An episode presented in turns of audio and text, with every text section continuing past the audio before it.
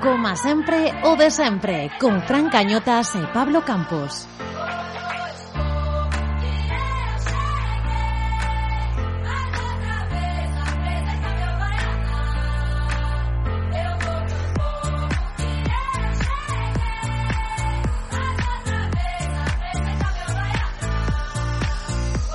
Ola, ola, moi boas, benvidos a este vixésimo terceiro episodio do noso podcast celeste. Moi boas, Fran, outra semana máis na que falaremos do de sempre Do Celta, dos cambios de Coudet, do filial E ademais teremos unha entrevista moi, moi, moi top. Queden con nós, señores, porque promete, como sempre O de sempre!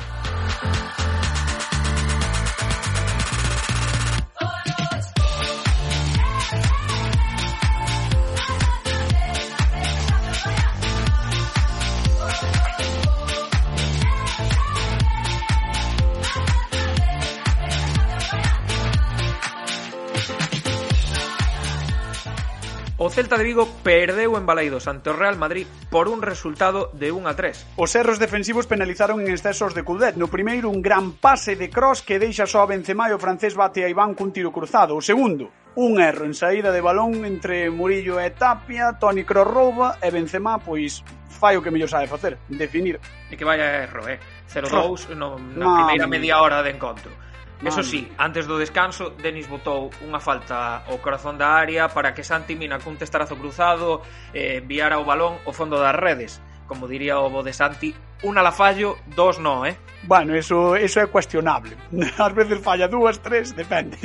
Depende do día. Bueno, últimamente segunda metade... anda máis atinado, eh, Fran? Sí, sí, últimamente anda atinado, eso é certo, eso é certo. Sempre o digo, é eh, que eu un rajador de Santimina, pero últimamente merece todos os meus respetos.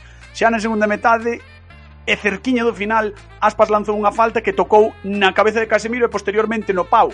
Ai, dios mío, se chega a entrar e xa na última xogada, Campos... Pois unha contra, posible fora de xogo de Benzema, que asiste a Asensio, que só ten que empurrala para facer o definitivo 1 a 3 en Balaídos. Eh? e levaba nada, eh, no campo, que xa leva, o sea, en dous partidos consecutivos, nada, entrar e Vicalo Santos. No que respecta ao filial, os de Onésimo tiveron semana de descanso, esta fin de decídese todo na segunda vez. Pois sí, pola contra o Xuvenila rematou a primeira fase en segunda posición con 43 puntos en 18 xornadas, tan só a 2 do Deportivo. Na segunda eh, xogarán cinco partidos contra os primeiros clasificados do outro subgrupo que prácticamente son todos equipos cántabros ou asturians e tan só os dous primeiros e o mellor segundo xogarán a famosa Copa de Campións. Pois todo isto e moito máis comentarémolo agora no noso tempo de análise. Iste o camiño que me leva a San Antón. É un caminiño cheo de pedras e de amor. Iste o camiño que me leva a San Antón. Un caminiño cheo de pedras e de amor. Hai un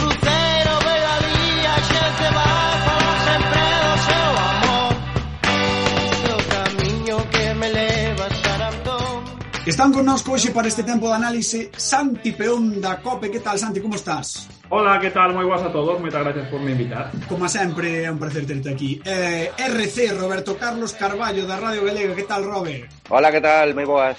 Bueno, eh, eu sei que... Bueno, xuntamos a dúas persoas que, que lles gusta falar sin pelos na lingua e agardamos que así sexa durante este tempo de análise. Así que, rapaces, Liberdade absoluta. Eh, antes de nada, bueno, eh, queremos falar un pouco sobre sobre o partido do Celta, xa sabemos que pasaron os días, pero ainda outro día no, no campo do Arzúa dixeronme estou esperando polo análise que fagades do, do partido contra o Madrid. Así que, Robert, ainda que tes memoria de peixe respecto aos partidos, que xa sei que os olvidas e estás pensando no seguinte, que titular che deixou este Celta Real Madrid Baleiros? Que o Celta só sabe xogar unha cousa e o Real Madrid deu vida ao Celta todo o partido. Eh, para ti, Santi? Eh, contra un equipo do nivel do Real Madrid non podes chegar 35 minutos tarde. Sí, eh, de feito, escoiteite un pouco, non? Que, que o dixeches na, na radio que, que, que o Celta como que lle costou moito, evidentemente costoulle, porque o Madrid chegou as dúas primeiras chegadas que ten, e gol, Pero que ademais estamos no mismo de sempre, non? Os erros defensivos. Sí, claro, eh, os erros defensivos por un lado, que isto xa é o pan noso de cada día, eh, pasan as temporadas e seguimos, por desgracia, falando do mesmo, porque non hai ninguén adestrador, ningún adestrador que sexa capaz de arranxar este problema. E para min, outro problema que casi é eh, igual ou máis grave co anterior, é que ante un equipo como Real Madrid, cando ademais empezas o partido absolutamente dormido durante 30, 35 minutos, o que non te podes a poñer é a sacar o balón xogado dende atrás dende dentro da tua área nun saque de portería, cando tes a Iván Villar, que coas mans vai moi ben, pero que cos pés ten un problema serio, e cando despois tes os teus costados a Araujo e a Murillo, que defendendo son eh, defensas, valga a redundancia, que se defenden medianamente ben, pero que xogando o balón de, atrás teñen un problema gravísimo. Entón, claro, se xa empezamos contra un equipo como o Real Madrid, coa presión que fai, subindo moitísimas liñas de presión, se te posa xogar o balón de atrás e que estás eh, empezando o partido con 0-1 marcador de balaídos. Tedes a impresión de que é como cabezonería sempre sempre se insiste pois ao mellor no que no que peor ou que no que peor fai o Celta, que é precisamente eh, sair de aí de atrás, sobre todo polos tres que acabas de mencionar. É algo que tamén dixetes outro outro día na radio. Por que se insiste tanto en sair así? Eh, non o sei. Eh, mira, eu estive pensando dende que me chamaches, Fran, eh, Pablo, para, para facer un pouco análise do partido contra o Real Madrid. Eh, eu empezo a ter a sensación, porque non podemos esquecer que o Celta neste 2021 leva dous partidos gañados. É verdad que empatou algún máis, pero leva tan só seis puntos en, en canto a partidos gañados. Eu penso que o equipo está moi exprimido. E que, ademais, é verdade o que, o que di o Chacho en moitas ocasións, que o plantel que ten é curto e que ten o nivel que ten, pero non é menos certo que hoxe, cando faltan aínda moitos días para o partido contra o Alavés, eh, a expensas do que aconteza con Solari e de que non haxa ningún tipo de problema nestes vindeiros días, o galla que non, pero todos sabemos o 11 que vai dispoñer Coudet mm. contra o Alavés e ademais é que casi podemos adiantar os tres os cambios, cambios que vai os tres cambios que vai facer, non? Que son mm. os de sempre. Entón, Eh, claro, entón, claro, ao final eh, pensas no mes de decembro, eh, recén chegado Coudet, todo moi ben, o equipo vai como un tiro, pero despois a realidade é a que, que non hai plantel para máis, que ademais Coudet está exprimindo o máximo o 11 que ten de gala, porque despois hai futbolistas que entran e aportan entre pouco e nada, e con isto hai que tirar. E o peor de todo que para min o equipo está inmerso nun tedio absoluto, dende que mm. arrancou este ano eh, novo, este 2021, o equipo está nun tedio total e absoluto, eh, xoga durante moi poucos minutos o nivel que nos gusta a todos ver deste Celta e que pensamos que pode dar este Celta, eh, o peor aínda por riba de todo isto que penso que é o que nos queda ata a final da presente temporada. Robert, están as laranxas sen zume? Están os xogadores cansados? Pero, non sei, decepcioname moito Santi Peón e vos que non contedes con en remor que xa volta de cara a convocatoria. Agora, cando poa clínica, pois agora é unha, unha peza máis a utilizar por Coudet. Eh, fora de bromas, o problema non é eh, exprimir as, as laranxas, o problema é que a bolsa das laranxas coñece a todo o mundo, sabe todo o mundo claro. de que core, eh, todo o mundo sabe interpretar como xoga o Celta. O Celta sai a xogar como sempre e, e o rival eh, cambia en relación ao Celta. O Real Madrid cambiou as veces que xogou contra o Celta de, de estilo de, de xogo e outro día pois fixo o que fai o Celta e o Celta sen balón, como só ten unha partitura, só sabe tocar unha peza pois cando non a sabe tocar é un auténtico desastre, porque non sabe a peza alternativa. E viuse claramente que é un equipo que non sabe replegar e contraatacar, como fixo o Real Madrid cando subiu por diante no, no marcador. É un equipo que só sabe xogar con balón, ter posesión, logo depender da inspiración de Aspas ou dese último pase de Denis para marcar, pero eh, o Real Madrid aproveitouse do, do Celta tendo o balón e tendo a posesión. E aí é como un polo sen cabeza o equipo, que foi a primeira media hora eu a mellor non comparto a idea de que o equipo saíse dormido e que a este equipo cando lle quitas o balón e sobre todo un equipo de, de superior categoría que ten o balón e a posesión é un equipo totalmente desarbolado. E senón eh, tirabas ante, antes do, dos números dos eh, partidos que leva gañados.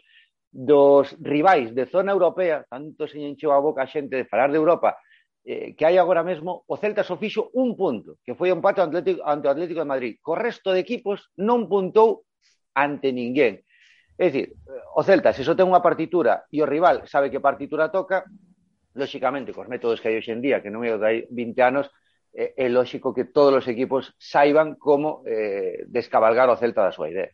É que neste caso lle tocou a, a Tapia con ese erro na saída de balón, pero é que é un recurso que xa ven utilizando moitos equipos, que xa veñen utilizando o de presionar o home que está aí un pouco de, de costas para intentar sacar o balón, claro. no caso do, non me lembro agora que partido fora, que tamén eh, lle presionaran a Denis e perdera un balón, tamén fora en Balaídos. Eh, creo que foi contra, no, Villarreal, contra, Villarreal, contra Villarreal, sí. sí. Eh, que é un recurso moi moi manido que o Celta non sabe, non sabe como como sacar o, parece que non sabe sacar o balón, eh, senón é desa forma, non, Santi? Sí, a ver, evidentemente, que é un problema que ven de, de moi atrás. O problema que, por exemplo, eh, por exemplo, esos fallos os que fa referencia a Pablo, o tema, por exemplo, do día do, do Villarreal, é verdade que o equipo perde eh, digamos que o balón en zona de tres campos, eh, de, eh, de tres cuartos de campo do Villarreal.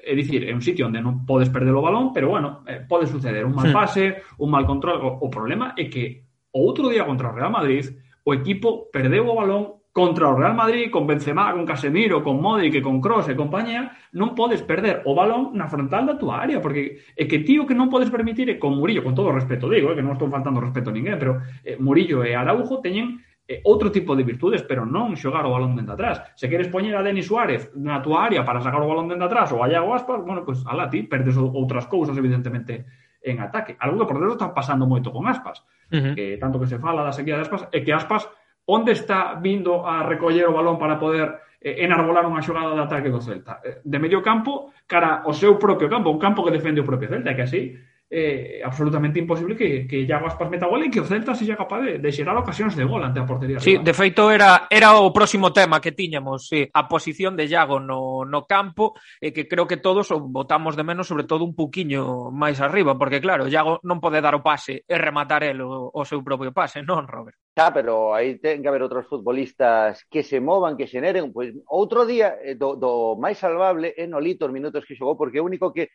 que fixo o xogo que quere Coudet en ataque, que buscar o espazo, eh, mobilidade, eh, buscar o desmarque, buscar eh, ese espazo que queda libre, ocupalo. Eh, parece que últimamente o Celta, eh, cando collen o balón aspas ou incluso Denis, todo o mundo mira a ver onde vai dar o pase, ninguén se move, está esperando, sobre todo no caso de Iago, a ver onde dá o pase.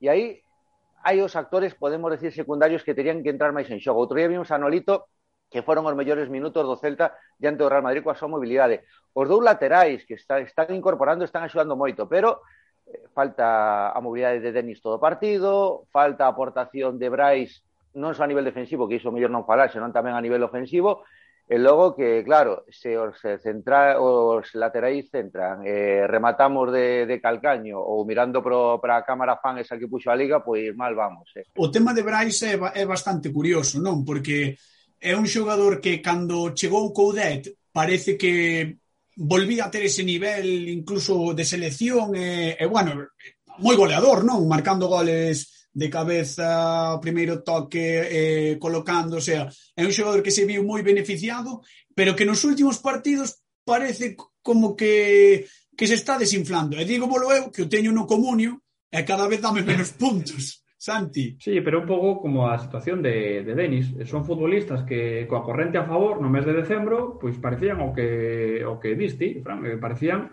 eh, futbolistas de recibir a chamada do seleccionador nacional iba a dicir unha barbaridade sobre o seleccionador nacional, non me Oi, ese, ese silencio todos... valorativo gustoume moito, ¿eh, sí, esa peón, sí, gustoume sí, moito. Eh, estaba, é que pola cabeza me estaban pasando un par de cousas que eh, ao mesmo tempo o, o, o de año que teño aquí nun ombreiro dicíame, non o digas, eh, eh, claro, bueno, en fin, eh, vou seguir para adiante porque senón me vou a liar. Eh, son futbolistas que coa corrente a favor aportan moitas cousas, pois o caso de eh, do propio Brais, de Denis Suárez, eh, bueno, eh, incluso Santimina. Eso que Santimina neste momento da temporada eu penso que está sendo do máis potable, do máis destacado do equipo, pero é evidente sí, que polo menos que está marcado, vimos a... que xa, xa claro, está. Pues, está a xenerar moitas cousas, porque é verdade que Santi na primeira parte da temporada tivo un papel moi feo, porque onde aparecía Iago Aspas para todo, Santi Mina é verdade que non é un futbolista que a mí me volva tolo, pero sí é verdade que ven moi atrás, pelexa moitísimos balóns, e, eh, teñe, ten eh, moita brega, moita pelexa cos eh, defensas dos equipos rivais, ese traballo moitas veces pasa moito máis desapercibido, ahora está tendo sorte eh, de ver portería, pero claro, é verdade que eh, xente da que hai que eh, pedir ou esperar moito máis, da que hai que exixir ademais moito máis. O caso de Denis, o caso de Brais, é que neste momento concreto da temporada pois están a pasar desapercibidos, entre outras cosas porque estou, estou moi de acordo con Robert, é que o Celta colleron a matrícula, é que o Celta, todo o mundo sabe a día de hoxe cal é o estilo de xogo deste Celta, e os rivais o que fan é adaptarse ao estilo eh, que ten o equipo, e a partir de aí é absolutamente imposible. Claro, o primeiro mes eh, parecían Fórmula, Fórmula 1 todos, pero claro, En canto ven o coche de atrás, outra marca comercial, e che ti vas así, pois eu vou adiantar pola dereita. E o Celta está a ter moitísimos problemas nese sentido. E eh, fixadevos non dato, fixadevos non dato, todos os equipos agora mesmo o Real Madrid, fixeron o equipos anteriormente, están cargando todo buscando dous contra un con Hugo Mayo, porque saben que nesa banda eh, o interior non defende. Nolito, que está un pouco máis eh, traballador a nivel ofensivo e defensivo, está máis implicado, sí que polo menos tenta tapar a banda con Aaron Martín, pero que outro día Vinicius, Mendy entraban por banda, caía sempre a ese costado, logo incluso a veces Valverde, e que todos os equipos, pasou co Elche, pasou con, con equipos pretéritos, están cargando sobre esa banda porque saben que o punto feble y onde se crea superioridade é por ese costado, a pesar de que Hugo Mayo, todo hai que dicirlo, está nun dos mellores sí. momentos da temporada. E, e por eso, por exemplo, Nolito está a xogar 60, 65 minutos por partido, non pode xogar máis, claro. fai moitísimo traballo defensivo. E que se si lle sumas, se si lle sumades o que decides vos de que eh, todos os equipos teñen a matrícula do Celta e a maiores, Coudet non pode modificar ou non modifica nada, nin da partida, nin despois durante o partido, é que branco en botella, non? Así é moi complicado. Claro, é que, a ver, é que de onde tira a Coudet? Porque isto tampouco non é cargar as tintas contra... Claro, claro, obviamente. Polo, polo, polo menos, eh, na miña opinión falo, eh? non estou a dicir que esteamos a cargar ahora todas as culpas contra o Estado, ni moitísimo menos, pero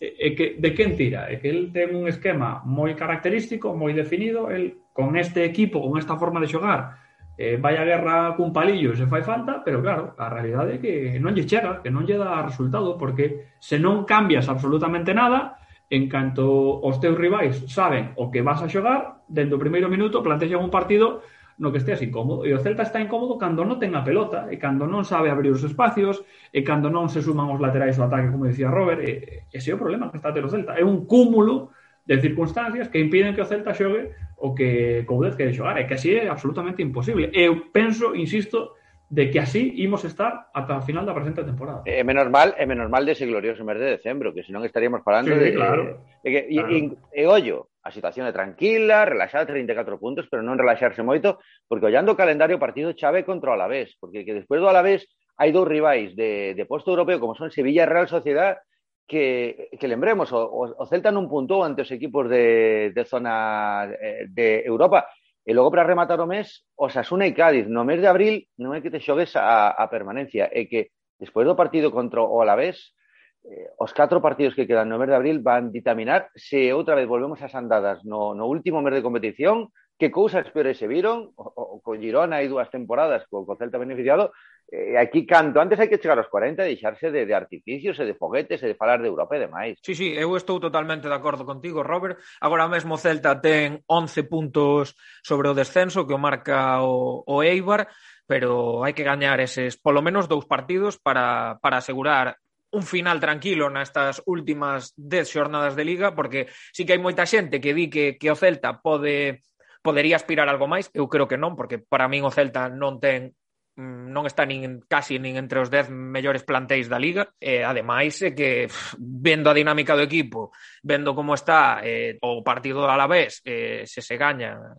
xenial porque sumas 37 puntos, quedas a 3 da do, dos 40, que é esa barreira psicolóxica no que os, nas últimas temporadas o, o Celta non o conseguiu chegar, eh, eu creo que que o celtismo debe tamén saber valorar un pouco ese ter un final tranquilo de liga en terra de, de nadie, como, como di a xente, non, Santi? Sí, tranquilo ou, ou tedioso, non? Claro, que, eh, eu xa sabedes das veces que, que falamos que eu, eh, porque é a miña natureza, non o podo evitar, eu son ambicioso, eu ata eh, o sábado ás cinco e media da tarde pensaba que este equipo e tiña que intentar loitar por meterse en Europa, evidentemente polo sexto posto, despois a expensas un pouco do que aconteza na, na final da Copa entre Barça e Athletic Club, no? pero eu penso que este equipo tiña que loitar por outra cousa.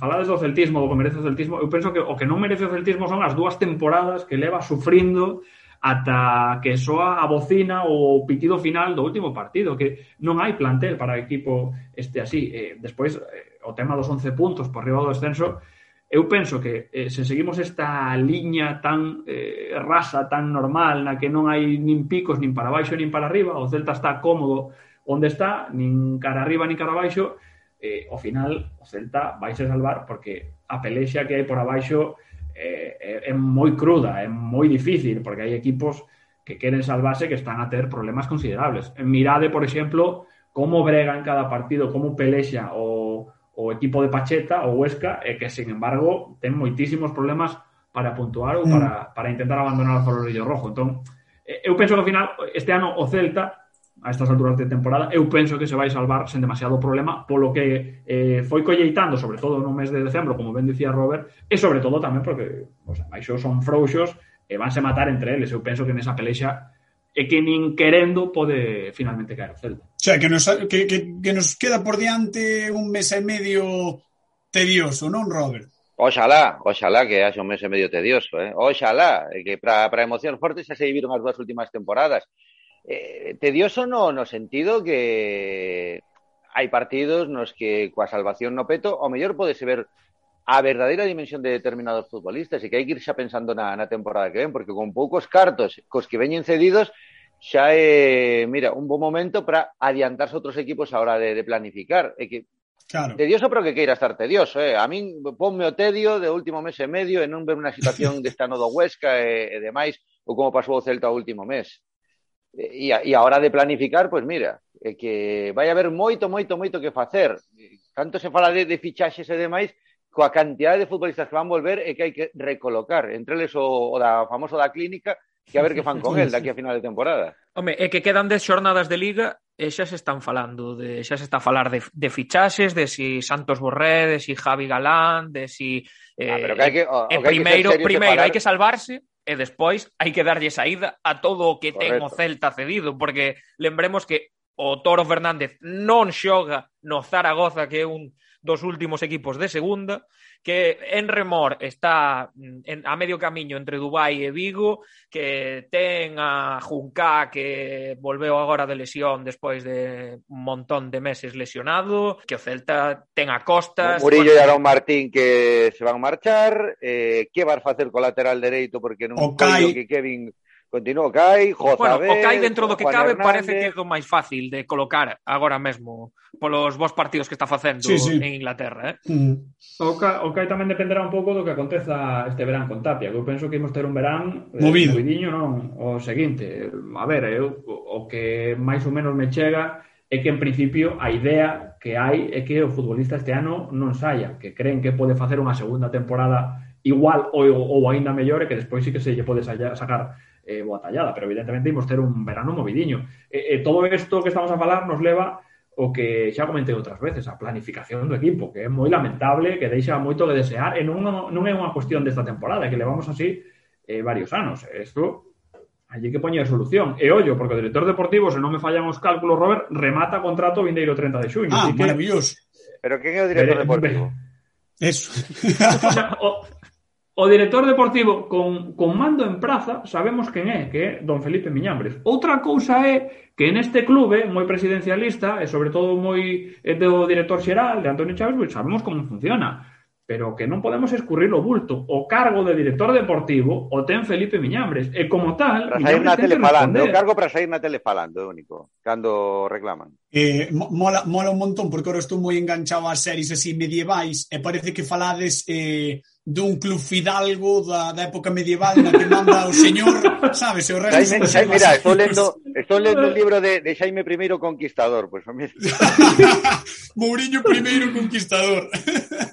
Eh, pois mira, non, non vai a cousa non vai a cousa moi, moi desencamiñada, porque, a ver, o que pasa na Celta xa, xa todo o mundo sabe sí, eh, falabades, falabades aí eh, un pouco de final de infarto de, da tranquilidade do Celta pero a final de infarto A segunda vena que está o filial celeste, o Deportivo Compos, o Coruxo, Pontevedra, o Racing de Ferrol, eh, o Celta B vai ao Bao contra o Coruxo, no que, bueno, xa sabe todo o mundo que son importantes sumar o máximo número posible de puntos de cara á seguinte fase. Pero como vedes o Celta B de cara ás súas opcións de disputar o ascenso á segunda división ou quedar na segunda B Pro? Robert, mollate. Mollade vos aí, Robert. Primeiro, primeiro de nada, agora un pau que non ten que ver co Celta, senón a, a organización do fútbol. É dicir, que o Celta B E incluso o Celta non poida contar co seu porteiro titular toda a temporada porque se ten que ir a un preolímpico da CONCACAF bueno, que non é moito, eh? nin data FIFA co seu, coa súa selección eliminada que che coa súa selección eliminada que tiña que marchar a mí pareceme unha auténtica aberración é o que me parece ademais non é data mm. FIFA mm. pero había que cumplir o, o que quería o rapaz que estar coa súa selección dito isto eh, eh, o Coruxo despois do, de todo ou que o deportivismo eh, humillou o Coruxo, que o Coruxo teña que ser quen poida salvar o Deportivo da Coruña, que o Racing de Ferrol poida ser quen teña que meter o Deportivo da Coruña da mostras do, do, do é, é curioso, non? Os do, xusto eses dous equipos. Sí, sí, os que tanto humillou dende do Deportivo, porque a verdade é que o día do Coruxo foi unha humillación total e absoluta, parecía que ian xogar a terceira autonómica, e que agora eh, todos sexan do, do Coruxo eh, o Coruxo vai ter a vantaxa de, do seu campo, que é intratable no Vao, pero se queira unha baixa importante, logo eh, o de Ricky Mangana, que non poida xogar por esa cláusula do medo do, do Celta, o único sí. lateral dereito que ten o Coruxo, pois vai beneficiar moito o Celta B que vai recuperar efectivos por potencial e por xogo, o Celta B debería levar o partido como así fixo históricamente, pero é que o Coruxo é como o Dr. Jekyll e Mr. Hyde. Se fora perde 3-4-0 na casa capaz de gañar a calquera. Sí, sí. Eh, ti, Santi, como ves? Eu teño a sensación de que o filial eh, chegou ao seu pico eh, de repente nestas últimas xornadas de repente empezou a baixar no peor momento da temporada, ¿no? Porque estou convencido de que si o Celta B que gañou en Riazor e que, co que colleitou esa xeira tan boa de resultados eh, fose capaz de chegar a este momento, a este último partido en ese mismo nivel, eu era dos que pensaba que o Celta era candidato firme además a pelexar polo, polo ascenso de categoría, por estar no ano eh, que ven na segunda división, pero a situación cambiou e despois eh, toda esta polémica que da que falaba Robert, que sin a Coruña, o, o primeiro que tiña que facer o Depor era ter feitos os seus deberes o seu debido tempo, non estar esperando a última xornada a ver se eu gaño, porque aquí todo o mundo fala do Coruxo, o Depor ten que gañar o Zamora, porque o Zamora, Obviamente. que ninguén esqueza que, que estaba pensando que, eh, o, o Santi. Claro, é, é o único equipo do grupo no que están Pontevedra, Racing de Ferrol, Celta B, Deportivo da Coruña, é o único Zamora que a falta dunha xornada xa sabe que matemáticamente está entre os tres primeiros. Ainda non sabemos en que posto, pero entre os tres primeiros. O Depor ten que facer os seus deberes, que de momento é evidente que non os fixo. Ten que esperar a última xornada. Despois, eh, poñer, eh, aínda que sexa moi pouco, en dúbida, o bo hacer de Michel Alonso e dos seus futbolistas, a min é que xa me parece unha falta de respeto absoluta. Eu estou convencido de que Coruxo, por moito derbi vigués, Eh, eh, moi irmanados que poidan estar eh, Coruxo e Celta B, eu estou convencido de que vai ser un partido vibrante e no que eh, o Celta B se quere estar entre os tres primeiros ten que facer valer a súa superioridade en canto a plantel, en canto a clube e demais, pero claro, que gañar no Coruxo este ano é unha cuestión ben complicada. O sí, vaya, vaya, vaya, chuf, vaya chufla de categoría que vai a xude competencia que pon eh, horario unificado ás 12 da mañá cando bueno, cambian bueno, agora bueno, esta bueno. fin de semana. Iso xa bueno, é, bueno, bueno. vamos, que o poñan nas Baleares, nas Canarias, onde queiras, pero vamos, iso da bueno. mostras que na Federación Española viven nun mundo paralelo. Eh? Paralelo é, completamente. É liga de primeira, eh? que eso tamén hai que telo en conta. Se me dis que hai un Madrid-Barça ás 4 da tarde, pois pues, dis tú, pois pues, vale, pero que ah, non hai... Pra, eso non hai para que nada se centra no Arzúa, eh, entón... Claro, claro, é que os, ner os nervios da última xornada, meu rei, sabes? Eh, escoitei, escoitei a moita xente, eh, por ir pechando teño un par de preguntas para vos, eh, a moita xente, sobre todo eh, presidentes, adestradores, xogadores, máis que afeccionados, eh, que este formato que non mola nada, o sea, como que os equipos ao final alarga o ver que todo, porque claro, ti podes quedar fora, poñedemos na situación de que podes quedar ou disputando o descenso ou non disputar un ascenso por diferencia de goles. E se normalmente é difícil que pase, este ano é extremadamente fácil que pase. E tampouco é xusto de todo, non? Para un equipo xogarse todo, pois a se marquei un gol máis ou menos na competición. Non vos parece así un pouco... É, é que, Fran, eh. pode darse, pode darse a carambola de que haxa un triple empate Claro, claro. Eu, na terceira, eu, eu na terceira posición xeral, eh? é que entre o Deportivo por diferencia de goles. E que eso pode, claro, pode, sí, pode darse. Bueno, e, e, e que xa non teñamos que ir ao tema dos coeficientes. Exactamente. Pode ser unha risa tola, non? Sí, sí. Eh, eu, eu penso que, a, a miña opinión é que eh, a competición de cara aos xornalistas e de cara aos aficionados é apaixonante, porque dando o primeiro día estás disputando finales, é como unha fase final dun mundial ou algo sí, parecido, sí. Eh, a, a maior nivel, porque hai máis equipos, e eh, despois o problema que vexo é, eh, un, a tensión que supón isto neste momento da temporada para os equipos e, sobre todo, algo no que eu penso que non está a reparar a xente. Por exemplo, a situación do Pontevedra. É que podemos estar a falar de que un proxecto como o Depor, sen ir máis, máis sí, longe, sí. de que estean eh, tres ou catro categorías por debaixo, eh? o sea, na cuarta categoría do fútbol, e o que eso vai supoñer despois para intentar o ascenso de categoría, que tens claro. que andar moitísimo camiño desandado para despois poder estar na segunda B do día de hoxe ou na segunda división. É que eh, que en esta temporada non sexa capaz de quedar ben colocado na pro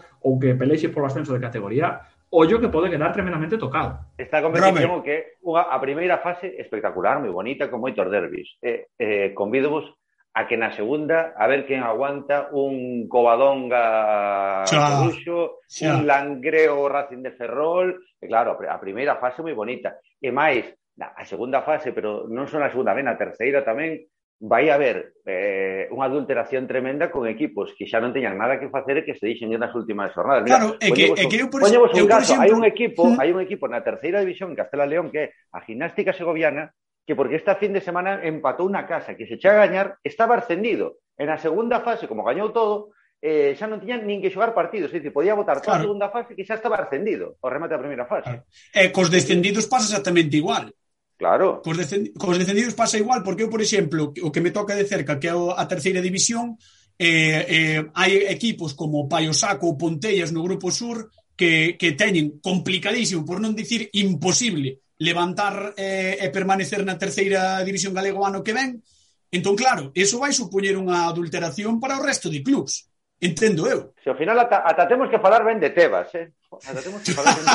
bueno, no, bueno. tanto no, tanto no, non te viñas tan arriba, Robert. Tanto eu tiven que ver, eu tiven que ver dúas veces o vídeo de, de Gustavo Varela no en xogo explicando o ascenso sí, bueno, bueno, de, ter, de terceira a seguinte categoría. Pobre bus porque eu non acababa de comprender como os dous equipos que non se clasifican entre os primeiros sí, sí. poden chegar a xogar esa fase final. Bueno, a min pareceme que o, o formato ah, ah, foi selle das mans. Pablo, peor, peor é o da preferente, que os equipos de segunda vez de terceira voten 10 meses facendo test, xogando e demais, eh, sí, deixando sí. esos cornos durante 10 meses e que os equipos de preferente en 3 meses que poidan ascender 4. Pois pues nada.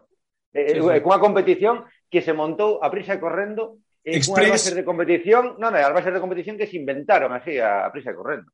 Bueno, eh, por ir cerrando isto que levamos xa un cacho de tempo de análise eh, está, eh, o tempo custa cartos para vos e eh, para nós, para todo o mundo Na, bueno, na entrevista que vamos ter a continuación vai estar connosco Iago Iglesias, o míster da Sociedade Deportiva Compostela. Queredeslle deixar algunha pregunta ou algunha reflexión que vos parece interesante de cara a esta última xornada da Segunda División B? Eh, Santi Peón. O primeiro felicitalo polo fútbol que fai a, a SD Compostela esta temporada, que sendo todo tan complicado como é, ver un equipo que xoga o fútbol como Compos é unha delicia, é unha maravilla, eso o primeiro. Eh, despois, bueno, pues, quizá as miñas preguntas así un pouco sobre a marcha pues, eh, en torno á última xornada e sobre todo que que lle parece este, este formato de competición e se quizá a toro pasado se el pensa que esa xornada na que non se pudo disputar eh, en día e hora o partido entre o Racing de Ferrol e o Coruxo se el pensa, insisto, a toro pasado que esa xornada debeu de quedar aprazada para todos para non ter agora os agollos mm. que estamos a ter esta fin de semana. Anotado queda. Eh, Robert. Pues mira, como é un podcast do Celta e como ademais que eh, os hai de Balaídos de talismán para Yago Iglesias, porque aí ascendeu mm -hmm. ano pasado con Portela en Balaídos, que algún día se ve Pues no sé, mira, eh, hai que soñar como técnico do, do Celta en primeira división ou, ou que, se ve un técnico galego de novo de, de volta no banco de Baleiros, pero mira que bonito sería ver a Iago Iglesias estaría ¿eh? no, bonito. No, no banco de Baleiros. Pois sí, a verdade é que sí, estaría moi moi bonito. Santi Peón, Roberto Carlos Carballo, moitísimas grazas por estarnos como sempre de sempre. Gracias a vos como sempre. Adeus, boas.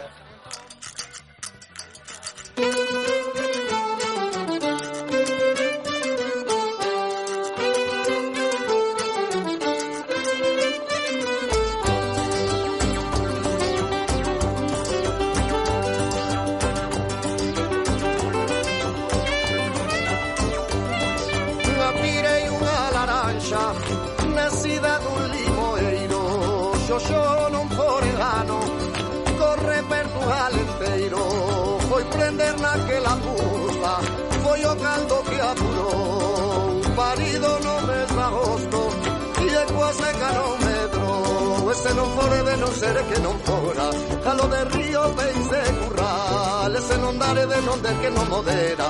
Crista mollada raspa seca.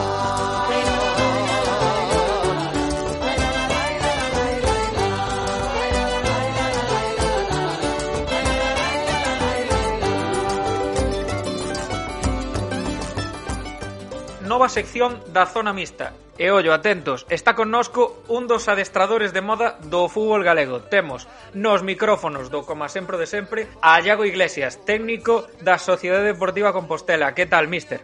Hola, boas, que tal? Que tal? Como foron tes días eh, de calma previos á tempestade? Ou como están sendo, máis ben? Bueno, pois están sendo tranquilos. A verdade é que, bueno, nesta última semana pois non, non tuvemos competición por isto de de dos casos positivos do, do Racing de Ferrol e, e nada, e esperando xa e preparando o partido da, da última xornada deste fin de semana contra o Salamanca. Bueno, mister, hai unha morea de preguntas para ti. Hai, bueno, hasta me mandaron preguntas por WhatsApp, eh, xente do Compostela, absolutamente de todo, eh? eh incluso xornalistas de outros medios tamén nos deixaron aquí algunha que outra algunha que outra pregunta para ti. Pero bueno, imos primeiro eh, co importante. Ainda que son mínimas as opcións, eh, eu imagino que o Compostela vai sair a, a por todas, non? Nesta última sí, semana de Liga. o famoso 4,94, non? Que nos dan... sí. que nos dan como sí, como Sí. A verdade é que vía, pois non sei se foi onte ou antonte, eh, por, por redes sociales, bueno, esta xente que, que, que fai probabilidades e demais, a verdade é que había un tuit eh, interesante que repasaba todos os posibles eh, resultados desta última xornada e a verdade é que solo en dous de, de moitísimas pois estaba o Compostela neses tres primeiros, non? Pero eh, o bonito do fútbol e do deporte en sí é que ás veces estas probabilidades pois se fan realidade, pero desde logo nós temos eh, toda a ilusión e, eh, bueno, e por que non, eh, todas as gañas de, de, de domingo pois gañar e a partir de aí eh, soñar, soñar e eh, e ser eh, positivos en, en que o mellor o domingo pois eso das dúas da tarde eh, se fai algo moi bonito, moi grande en Compostela. Eu, eu recordo eh, un pouco como, como a porcentaxe do Celta o ano que se salvou, que tamén era un pouco do 4% e ninguén o daba eh, bueno, ninguén daba por salvado ao Celta, porque era o que menos posibilidades tiña dos que estaban loitando aí por descender na primeira. Igual o Compostela é ese, ese equipo pequeno que quere estar entre... Non é equipo pequeno eh, como institución, eh, sino eh, a nivel de obxectivos e tal, que quere estar entre os grandes e que pois ainda pois mira, pode. o Gallá, o Gallá seamos eh, ese equipo, pois como ti dis, como o Celta, pois que, que obre ese milagro, non? Tamén este fin de semana, pois eh, no grupo de Andalucía, Eh, había un partido que era Córdoba-Betis, no minuto 90 iba ganando o Córdoba 1-0. Foi unha pasada unha eso. pasada, no minuto, no minuto 90 iba ganando o Córdoba 1-0, no 91 empata o Betis nun córner gol do porteiro e no 93 remonta o partido e poñense un 2 e ao final acaba meténdose o, o Betis en, en primeira en primeira Real Federación Española de Fútbol, pois no, no desconto, non? E todo isto cos rapaces do, do Sevilla B eh, festexando Correcto. cando rematara o seu partido, eso, que xa se vían dentro. Eso, eso. Sí, entonces sí, sí. Eh, parece que en tres minutos pois cambia todo totalmente. Eh, quizáis pois nese minuto 90 ou 91 as probabilidades que podía ter o Betis pois eran moito menos que un 4,94 e ao final e ao final pois mira, eh, esta, estas son as cousas bonitas do, do fútbol, pero para nós para nós eh, o máis bonito de todo é que a nosa afición poda poda soñar con que este fin de semana pois eh, se dé esa, esas circunstancias, pero evidentemente todo pasa por, por gañarnos. Eh, pase o que pase, a temporada é digna de enmarcar eh, e todavía nos queda pois esa, ese segunda fase, ese segundo tramo de competición que desde logo vai a ser apaisoante, vai a ser moi bonito de xogar. Claro, porque aínda que o Compostela gane e non se clasifique para o que sería os tres primeiros postos de ascenso, é importante acadar, remar todos os puntos posibles, metelos no saco, porque está a xogarse moito para esa segunda fase. Sí, sí, desde logo. A verdade é que, bueno, eh, nestas últimas semanas, pois sobre todo dende, dende que eh, somos quen de, de empatar en Zamora e eh, eh, pois eh, conseguir matemáticamente pois eh, a, continui a continuidade nesta nesta categoría. Eh, pois eh, repasamos un pouco que foi o inicio desta temporada, os obxectivos que nos, que nos plantexamos ao principio de temporada, eh, ninguén alá por agosto daba, daba pois, eh, ou pensaba que o Compostela a estas alturas iba, iba a estar eh, nas posicións que está e sobre todo pois facendo o bo papel e a boa imaxe que, que deu ao largo da, da temporada. Non Eu creo que a principio de temporada todo o mundo pensaba que que, que nos iban a pasar por encima todos os equipos, que íbamos a ter moitísimas dificultades e ao final, pois mira, demostramos que, que fixemos ben as cousas, que o proxecto este de continuidade, apostar por xente que vende abaixo, pois eh, deu resultado. Eh, eh, bueno, eh, hai quen di, despois do, do partido do outro día, que claro, pasou absolutamente de todo, sobre todo nas redes sociais, porque eh, hoxe en día, como a xente non pode ir ao campo, é máis difícil que se vai ao campo, moitas veces pulsamos eh, o ambiente da, da grada, do afeccionado, neste caso da Sociedade Deportiva Compostela, a mm. través das redes sociais.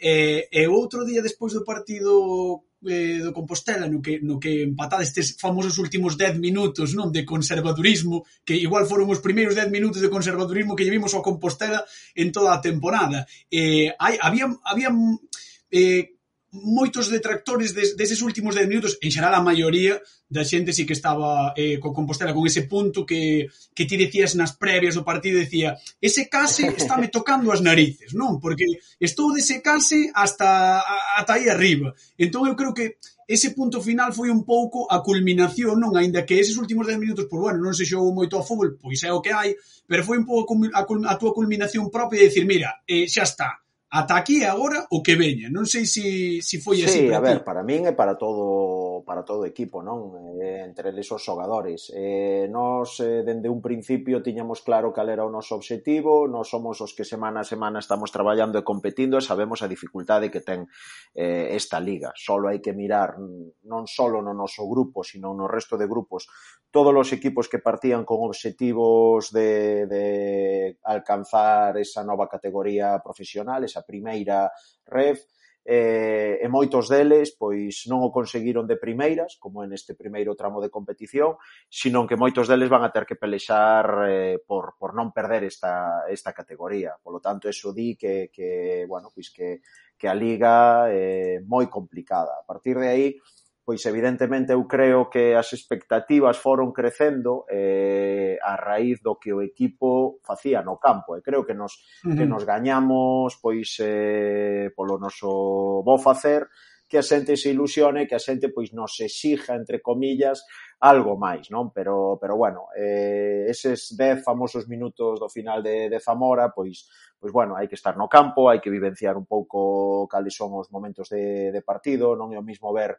eh, o partido desde a casa tranquiliño cunha cervexa na man, que estar ali no campo eh, e eh, ver un pouco como se está dando o partido, non? Inda por riba, pois bueno, no, Zamora no Ruta de la Plata outro día había 3.000 personas, e queiras que non, eles empataron, é certo que nós na primeira parte, sobre todo eh, co, co 0-1 temos unha ocasión clarísima de Gabri Palmas e despois Brais Abelenda que que de metela co 0-2 sí que se nos poría moito de cara, pero Sí. Si unha clarísima, sí, clarísima. Pero, bueno, sí. despois eles son quen de empatar e hai 15 minutos no que eles nos, nos achuchan, nos apretan e ao final nos, nos 10 últimos minutos pois sí é certo que creo que os dous equipos nos tiñamos moito respeto e ao final optamos os dous por, por conservar ese, ese punto e non quedarnos con cara de parvos, non? E tanto eles como a nós. Mm. Entonces, bueno, ao final conseguimos ese punto, conseguimos o obxectivo principal da, da temporada e agora, agora sí que se abre outro panorama totalmente novo, totalmente distinto,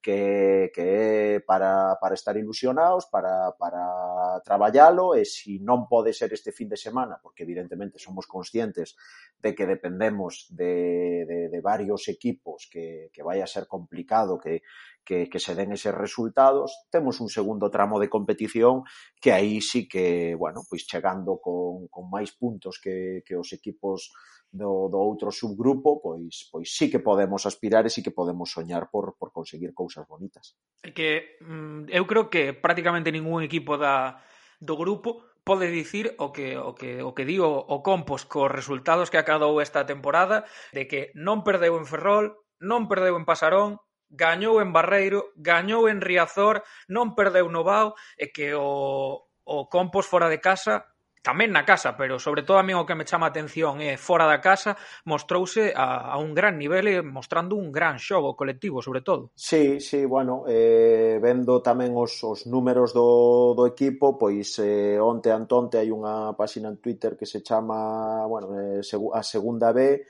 eh, vai de estadísticas mm, e demais, clásico, e a verdade sí. é que as estadísticas falan moi ben de nós, non? Creo que no, no, no xeral dos 102 equipos de segunda B, pois eh, estamos de número 44 eh, e eh, despois, pois bueno, salen estadísticas ainda onte, pois vin somos eh, o equipo número 17 dos, dos 40 dos 102, perdón, de segunda B que, que menos partidos perde, eh, somos o 16 eh, de, dos 102 que máis veces deixamos a portería a cero, eh, que, que non, é, non é fácil de dicir. Quizáis o, o, o debe eh, que nos queda eh, este ano é que tuvemos moitos empates, tuvemos moitos partidos que estuvemos moi preto de gañar, pero que non fomos quen de, de gañar e creo que aí pois eh, está a diferencia entre pois estar na posición que está o Zamora, hoxe en día o Unionistas e a posición na, na que estamos nós. Ese, ese é o famoso case de Iago ah, Iglesias. Claro, claro, ese, ese é o case, ese é o case. eh, eh, eh, Iago, xa, xa lin en crónicas, en entrevistas, escoitei a moitos adestradores, directivos, xogadores, eh, falar do formato. Esta é unha das preguntas eh, que precisamente me, nos dicía antes Santi Peón para ti, de Cope Vigo. Eh, para o espectador, para a xente que ve esta segunda vez, é todo moi bonito, moi atractivo, porque está todo moi igualado. Pero para vos, eu creo que, que é un pouco duro, non sei, agora nos dirás ti, eu creo que é un pouco duro porque podes quedar polo coeficiente eh, nunha posición ou noutra. É dicir, pode haber empates de 3, 4, 5 equipos, dependendo da liga, da categoría. Entón, non sei se é todo o xusto que debería ser a categoría. Para min, evidentemente, cantos, cantos menos partidos hai, cantos menos xornadas hai, eh, menos eh, probabilidade e menos capacidade de, de rendemento teñen os equipos, uh -huh. é dicir, tens que sacar rendemento inmediato para nós eh, ten pros e contras este, este formato. Nós sabíamos desde un principio que non íbamos a poder competir a nivel nomes, a nivel económico e demais, eh, pero sabíamos que, que a continuidade de toda a plantilla e co bo facer dos anos anteriores que tiñamos ventaxa en canto a, a, o, o colectivo, non o equipo, eh, totalmente asumido que xogamos, perfectamente compenetrados e sabíamos que eso a, a corto plazo nos iba a dar resultado. E outros equipos que, que bueno, que este ano pois que, que ficharon pois adestrador novo, moitos xogadores novos, eso leva un tempo de acoplamento. Vendo vendo pois eh, temporadas anteriores, sin ir máis lonxe a temporada pasada,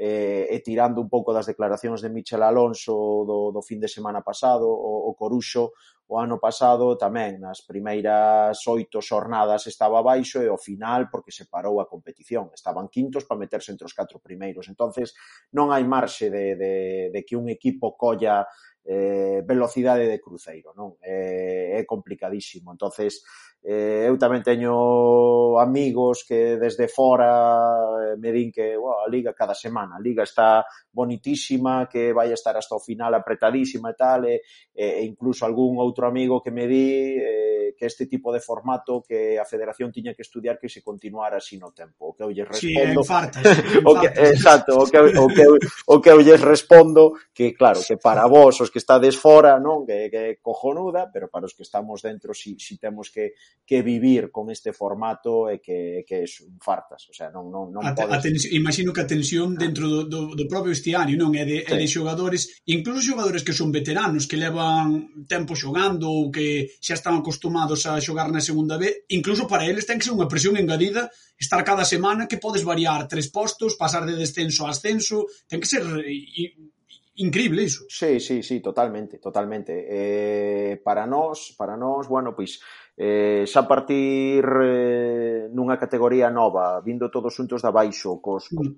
auténticos equipazos e plantillas e xogadores que hai na categoría, saber que o noso obxectivo é pelexar por, por non volver á categoría na que estábamos, pois xa, xa é eh, unha presión importante, pero aínda por riba, pois bueno, tendo claro a forma na que nós temos de xogar, que, bueno, eh, se di que, que, que non é a clásica ou habitual nestas categorías, en terceira, en segunda B e demais.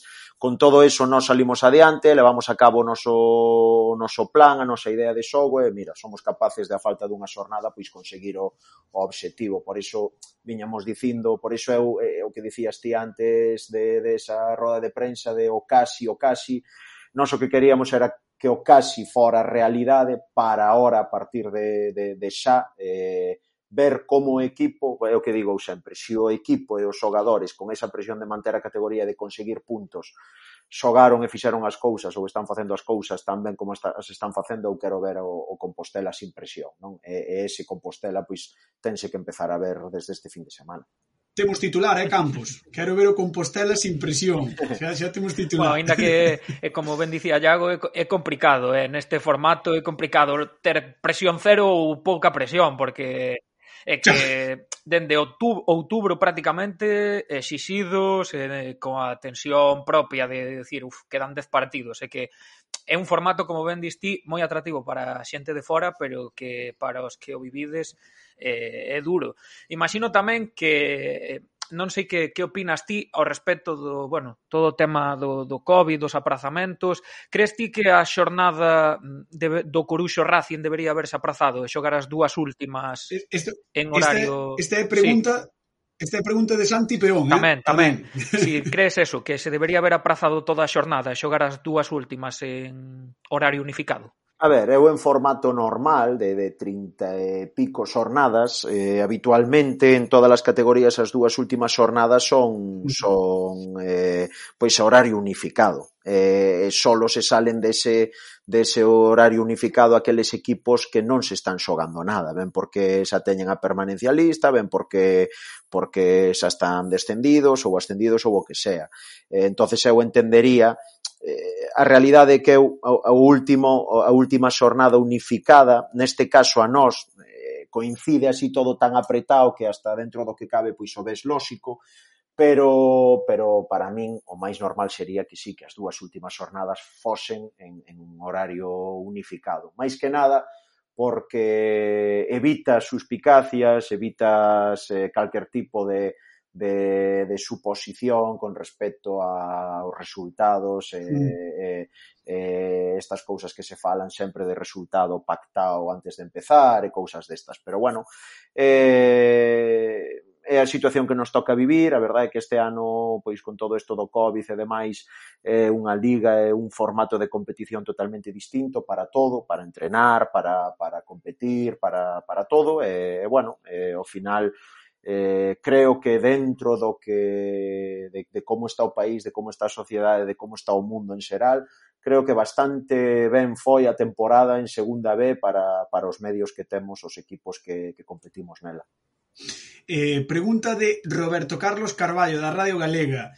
Eh, vendo que Balaídos eh, pois é un lugar talismán para Iago Iglesias, despois de intentar subir varias veces, tivo que ser ali nese formato que se creou, bueno, pois eh, vendo que é talismán para ti, veste algún día adestrando na elite? Xa non vou dicir no Celta ou no Depor, pero bueno, por sumar eh, a elite un adestrador galego máis, outro máis ao carro. Veste, na segunda ou na primeira? Home, eh, eu son un adestrador xoven, sei que que todavía hai moito que, que rodar, hai moito que, que, que moita pedra que picar, pero desde logo as miñas aspiracións e a miña ilusión é, é seguir quemando etapas, seguir seguir mellorando como adestrador para algún día pois estar no, no fútbol profesional. E se pode ser nun campo de primeiro nivel galego pois pois mellor aínda porque porque, bueno, eso sería un orgullo tremendo, pero desde logo que que a miña ilusión e as miñas aspiracións si que, si que son as de chegar o, o máis alto posible.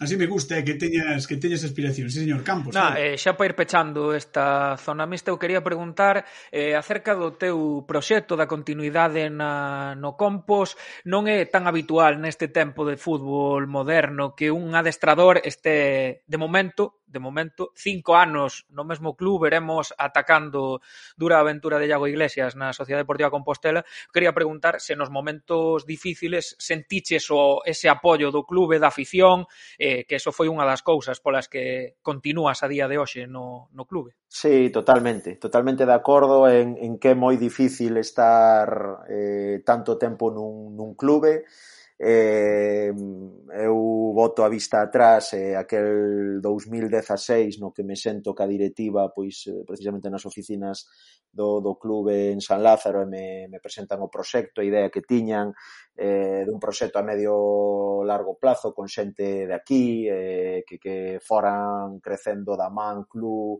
eh, eh, eh, eh, bueno, o proxecto deportivo da miña man, eh, pois no momento en que mo contan, evidentemente o veixo así, eh, son teño unha idea moi afín a esa, pero é certo que o primeiro ano foi complicado, había moitas expectativas, é un equipo recén descendido, empezamos de cero e demais, e, e a miña cabeza pois non estaba en, en que foran a dar moito máis tempo, non? E, a partir de aí, pois sempre eu sempre sentín o apoio, sobre todo neste caso pois de Manuel Castiñeiras, o director deportivo, que foi o que apostou por min. Ao final, pois o segundo ano é cando se empezan a ver os frutos, non? É cando xa quedamos campeóns, de Liga, cando quedamos eliminados pois na última na última eliminatoria contra o Salamanca, o ano seguinte volvemos outra vez a meternos playoff e quedamos fora contra o Alavés.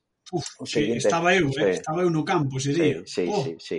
Eh, Dios, creo que foron que foron dous anos complicados, dous anos complicados nos que sempre fomos mellorando, pero pero sempre nos quedábamos nese último paso. Finalmente, pois a temporada pasada fomos quen de conseguir o ascenso en Balaídos, e este ano pois en segunda vez somos quen de manter a categoría e, e demostrando un pouco que esa filosofía, esa idea que, que o club pois consolidou ou asentou as bases nese 2016, pois pois veron os frutos, non? Os primeiros anos foron complicados tamén eh, na filosofía de xogo era, era, era difícil de entender para a afición moitas veces. Sobre todo, sobre todo se non gañas, non? Sí, eh, eh, eso é, eso é, eso é, pero a día de hoxe, a día de hoxe sí que sí que a propia imaxe, o propio modelo de xogo, a maneira que ten de xogar o, o equipo eh, a día de hoxe xa é do, do propio afeccionado, non é máis, hoxe vas a San Lázaro e eh, e no momento en que te quitas o balón de encima ou xogas un pouco directo, pois a xente non lle gusta o que ve, no momento en que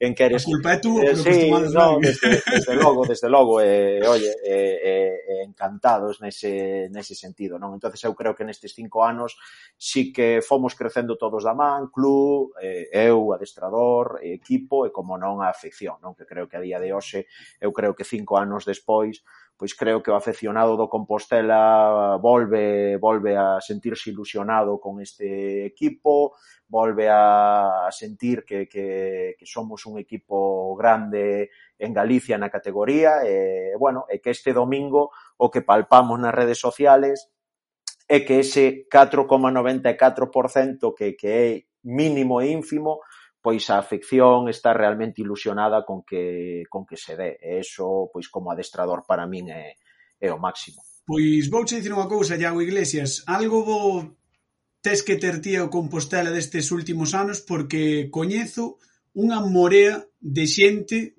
entre les mano, o meu compañero de piso, o meu primo, os colegas daqui de Santiago de toda a vida, que se fixeron socios este ano, que axudaron o Compostela pese a ter eh, complicacións ou dificultades a hora de ir ao campo, pola filosofía, polo estilo de xogo, polos integrantes do corpo técnico dos xogadores, porque se identifican moito con eles e porque, de feito, cada vez que, que os vexo, eh, dime, Buah, pasei por San Lázaro como estaban os nosos adestrando, sabes? Que como que os sinten como propios. Eh? Eu creo que iso eh, para un adestrador e para un club en xeral ten que ser un motivo de orgullo tremendo. Ah, o máximo, para min é o máximo, desde logo, é, é que a xente pois se sinte identificado e, bueno, pois neste caso que, que o afeccionado do, do Compos sea dese perfil que ti acabas de, de, descri, de describir por encima de, de moitos outros, non? Que, que mm. no Compostela hai todo tipo de perfiles, dende, dende o señor de 80 anos que leva toda a vida vendo Compostela xa cando xogaban en Santa Isabel, eh, ata pois eh, o, que, o que se percibe agora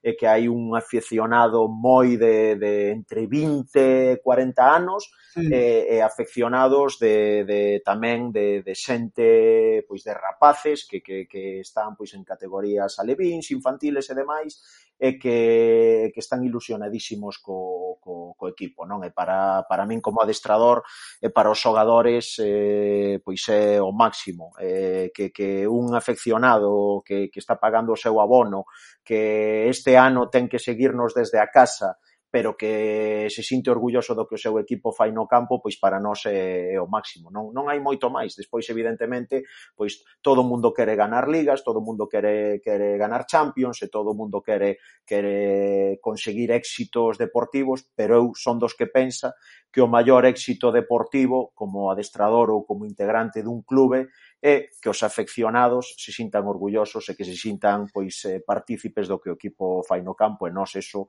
o sentimos eh, formando parte do Compostela. Eh, sei de algún, sei de algún, de feito eh, está aquí a poucos metros de min, no mesmo recinto case, que se sube o Compostela a primeira Federación Española de Fútbol, vai arder Troia.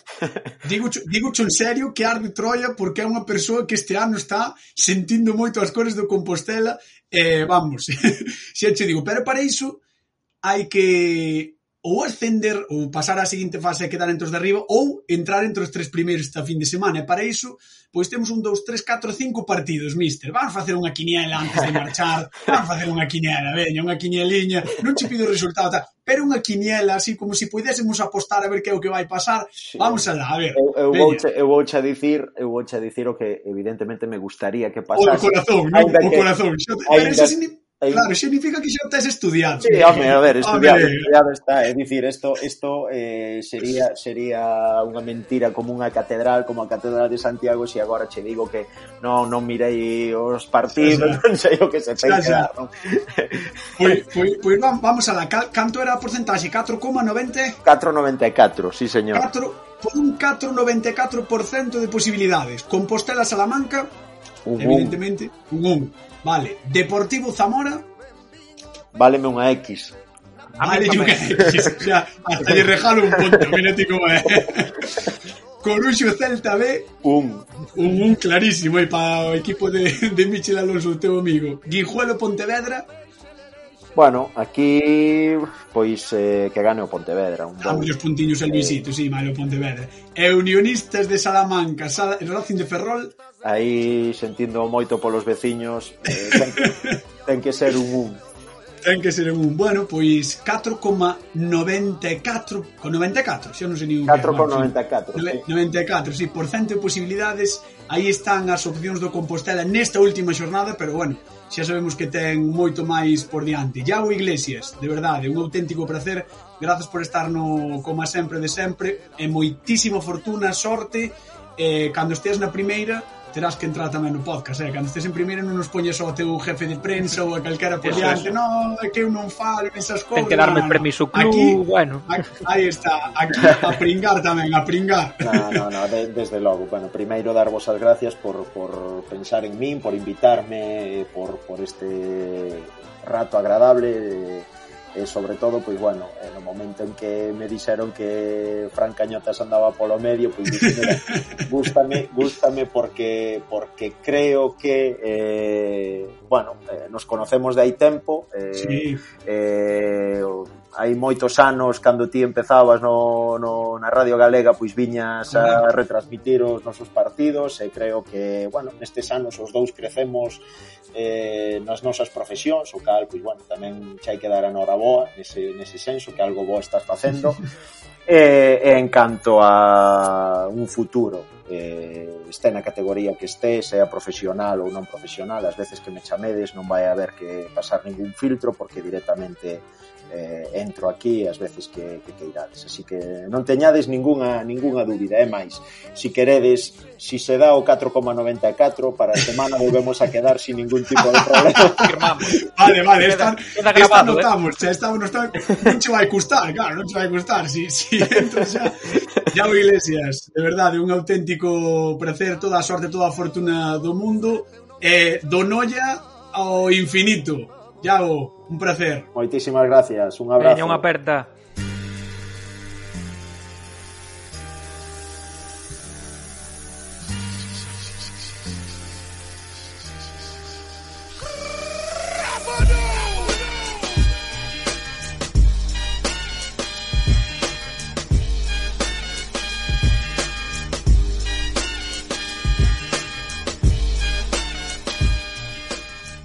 Celta descansará esta finde por mor do parón de seleccións, no que tan só Fran Beltrán, que a sub-21 era ujo con México, terán que viaxar. Semana tranquiliña, Antón, en Vigo, Fran. Mm. A, a gas polo domingo de Tolos, que xa comentamos, e que nos agarda. Ai, vamos, vámoslo repetir por se a xente non estivo atenta na, na tertulia na entrevista. Última xornada de infarto domingo pola mañán na que se xogarán, atención, Compostela, Salamanca UDS, Deportivo Zamora, Coruxo Celta B Guijuelo Pontevedra e Unionistas de Salamanca Racing de Ferrol.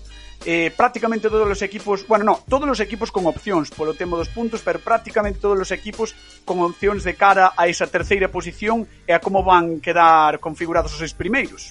Si, sí, quizáis o único o Guijuelo Pontevedra que ningún dos dous vai variar a súa zona clasificatoria, mm. pero sí, sí que sí. é importante que os de Luisito consigan eses puntos para amarrar para estar ben, arriba na seguinte fase, sí. amarrar ben a seguinte fase. No que respecta o Celta B depende de si sí mesmo para clasificarse, eh, a vitoria valelle para estar entre os tres mellores equipos do su grupo A, o empate valeríalle aos de Onésimo se non gañan Racing de Ferrol e eh, Deportivo.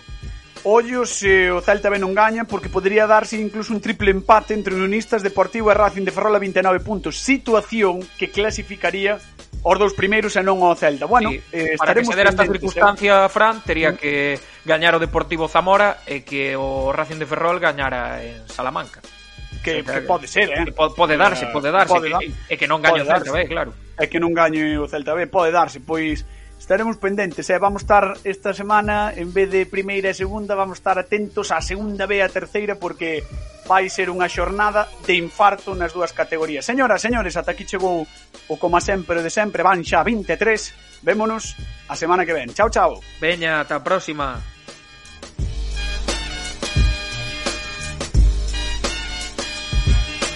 Coma sempre o de sempre, con Fran Cañotas e Pablo Campos.